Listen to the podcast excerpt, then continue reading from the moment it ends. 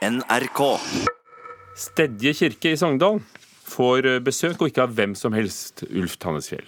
Det er den eh, verdenskjente organisten Olivier Latry som kommer på besøk fra Paris. Anledningen er innvielsen av et helt nytt orgel. Vi skal direkte til Sogndal om noen minutter, men først skal vi til at innvandrere blir stadig mindre hørt i nyhetsdekningen til norsk presse. Det viser en undersøkelse som IMDi, altså Integrerings- og mangfoldsdirektoratet, har fått utført. Personer med innvandrerbakgrunn uttaler seg i bare 2% av nyhetsartiklene i de største norske mediene, til tross for at de nå utgjør 16% av befolkningen. Det er overraskende at representasjonen av innvandrere i mediesaker ikke er blitt bedre, men verre. Det sier Sylo Taraku, som er rådgiver i tankesmien Agenda og medlem av pressens faglige utvalg. Medieanalyseselskapet Retriever har undersøkt hvor godt personer med innvandrerbakgrunn fra utenfor Norden kommer til orde i nyhetsartikler hos de største mediehusene. Og Konklusjonen er at innvandrere og norskfødte med innvandrerforeldre blir stadig mindre hørt. Denne målingen har blitt utført flere ganger de siste ti årene, og det ligger konstant at folk med innvandrerbakgrunn er kilde i 2% av sakene. Men i samme periode har andelen personer med innvandrerbakgrunn økt kraftig. Dermed blir innvandrerbefolkningen stadig mer underrepresentert i norske medier. Sylo Taraku mener dette kan ødelegge tilliten til media. Det er viktig at eh, alle grupper i samfunnet eh, blir hørt og, og representert. Men det er også viktig eh, når, når, det gjelder tillit, at eh, folk som føler seg representert og hørt, vil også ha større tillit til institusjoner i samfunnet, inkludert medier. Konstituert nyhetsdirektør i NRK, Marius Tetli, er ikke fornøyd med at personer med innvandrerbakgrunn er såpass lite synlig i nyhetsartikler på nrk.no. Fordi at uh, mediene skal speile det samfunnet vi er en del av. Og for NRK er det særlig viktig som allmennkringkaster. Vi uh, har som mål om å nå alle i samfunnet. Både det flerkulturelle mangfoldet, også de ulike alderssegmentene. Så det ansvaret tar vi Eh, ser vi alvorlig på i NRK. Han sier at NRK jobber med å bli bedre på dette området. Eh, vi har satt oss eh, tydelige mål som går på at hver tredje som ansatte skal ha det vi kaller flerkulturell kompetanse. Eh, og innenfor eh, dramaproduksjonene våre så har vi f.eks. Eh, et mål nå som, som, sier at 15% av statister og skuespillere skal, skal være flerkulturelle. Og så ser jo, ser jo her at denne undersøkelsen viser at vi må, vi må også jobbe enda mer systematisk med det innenfor, innenfor nyhetssaker. Heller ikke sjefredaktør i VG, Gard Steiro, er spesielt fornøyd med funnene i rapporten.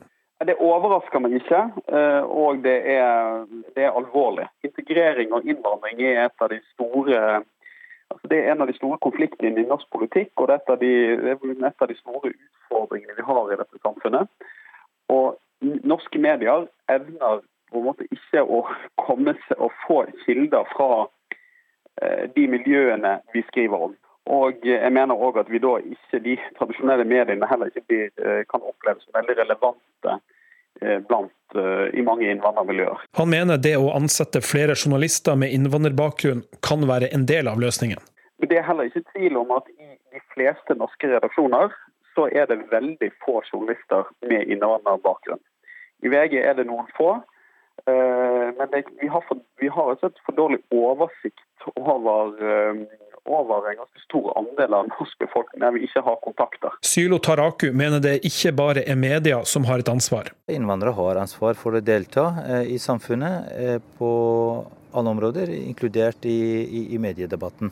Men Marius Tetli i NRK mener at media har hovedansvaret. Det er vår jobb å lete opp disse stemmene og få, få inn de interessante perspektivene i det innholdet vi lager. Og reporter her, det var Oddvin Aune. I Sogndal i Sogn og Fjordane får de i dag besøk av en verdenskjent organist, som til daglig er hovedorganist i Notre-Dame i Paris.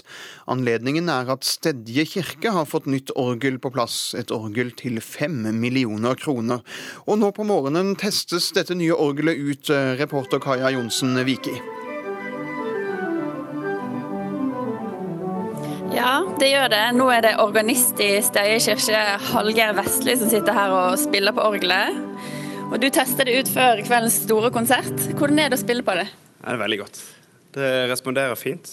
Eh, kjekt å spille på og ikke bli sånn sliten i fingrene. Mm. Det gamle orgelet var 50 år, og så Ja. ble det byttet ut. Hvorfor måtte dere ha et nytt orgel nå? Eh, det var litt tørkeskade, litt slitasjeskade. Eh, litt bygd med litt dårligere materiale. Og, så det var, var modent for utskifting, rett og slett. Eh, sånn sett, da. Så nå har ki- er kirkegjengerne i, i Sogndal fått et nytt eh, vidunder her i kirken. Og Ja, absolutt. Det er et nytt, flott instrument. Som, eh, både teknisk sett og klanglig sett og størrelsesmessig er et vidunder. Og i kveld så skal det altså innvies av en verdenskjent organist. Han er til daglig eh, organist i Notre-Dame. Hvordan har dere klart å få han hit? Eh, vi fikk, eller Orgelbyggeren her tok kontakt med managementet, og de sa ja. Det var ikke verre enn det. Vi ble litt sånn forfjamsa, så men det er jo stort. Eh, så eh, ja. Det var rett og slett sånn vi klarte å få tak i den. Han heter Oliver eh, Latri, og du, du som er organist sjøl, er det en, en du har sett opp til og hørt mye på? Absolutt. Han eh, er rangert som, som verdens beste konsertorganist. Eh, og har konsertert i over hele verden og er et unikum. Eh, det er litt julaften, påske, pinse, 17. mai og bursdag og 50-årsdag på en gang. Dette. Så et, et av de virkelig store idolene i orgelbransjen. Og til daglig så spiller han jo i Notre-Dame, en svær katedral, og nå kommer han til denne litt mindre trekirken her i Sogndal. Hvordan tror du det er for han? Eh, jeg snakket med han i går, og det hadde vært veldig kjekt, sa han. Så eh, vi hadde et masterclass med han. Han, han er veldig god på å tilpasse seg ulike forhold. Han eh, har ca. 300 konserter i året rundt omkring i verden. Så han er nok vant til Han er bortskjemt i Notre-Dame jeg vet ikke, 20 sekunder etter klang og et orgel som er fire ganger så stort som dette. Men eh, han eh, trives òg på mindre plasser. Så det tror jeg syns har vært greit. Har han testet orgelet? Ja. Han eh, øvde her en times tid når han kom med flyet tirsdag kveld. Og eh, har nok sittet her og øvd i natt òg. Og hva sier han om kvaliteten på det nye orgelet her i, i kirken? Han øh, syns det er et godt instrument. øh, med en rund og fin og varm klang. eh, som har veldig mange fine kvaliteter i seg. Mm. han var godt fornøyd. Dette orgelet har eh, kostet fem millioner å bygge. Det er en stor investering for en, en liten kirke. Ja, det er det. Eh, det er klart at uh, sånne spesialbygde instrumenter koster. koster. Uh, men samtidig er det et ganske langt perspektiv på det. Eh, Ja. Med riktig kvalitet så kan det stå i noen hundre år.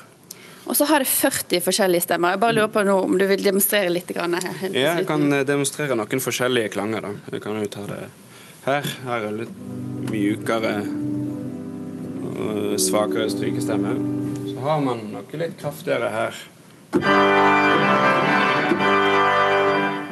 Noen litt artige klanger òg. Det høres fint ut. Da er altså orgelet i Steie kirke klar for en verdenskjent organist i kveld. Takk skal du ha, reporter Kaja Johnsen Viki.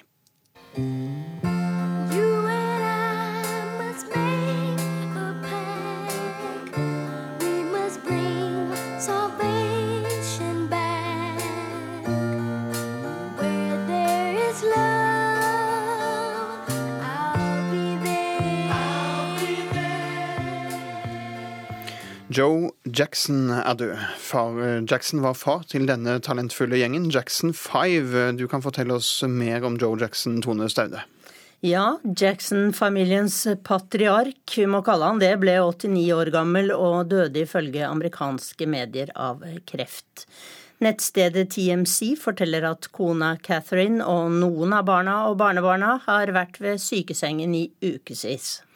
Og Joe Jackson hadde ti barn med sin kone Catherine, men noen av dem ble enda mer berømt enn andre.